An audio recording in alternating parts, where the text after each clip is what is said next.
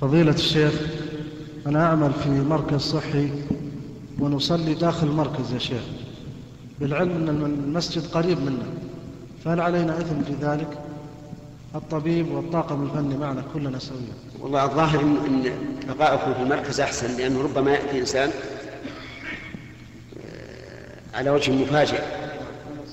فلا يجد احدا فلا حرج عليكم أن تصلوا في مكان.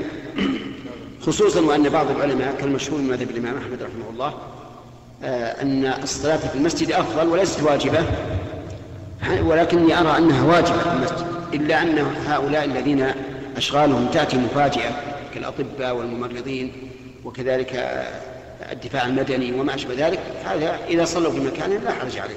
بس أنا يا شيخ أنا مدير المركز يعني لو صليت برا ما علي إثم أنت لو خرجت مشكل يمكن يخرجون ولا يرجعون.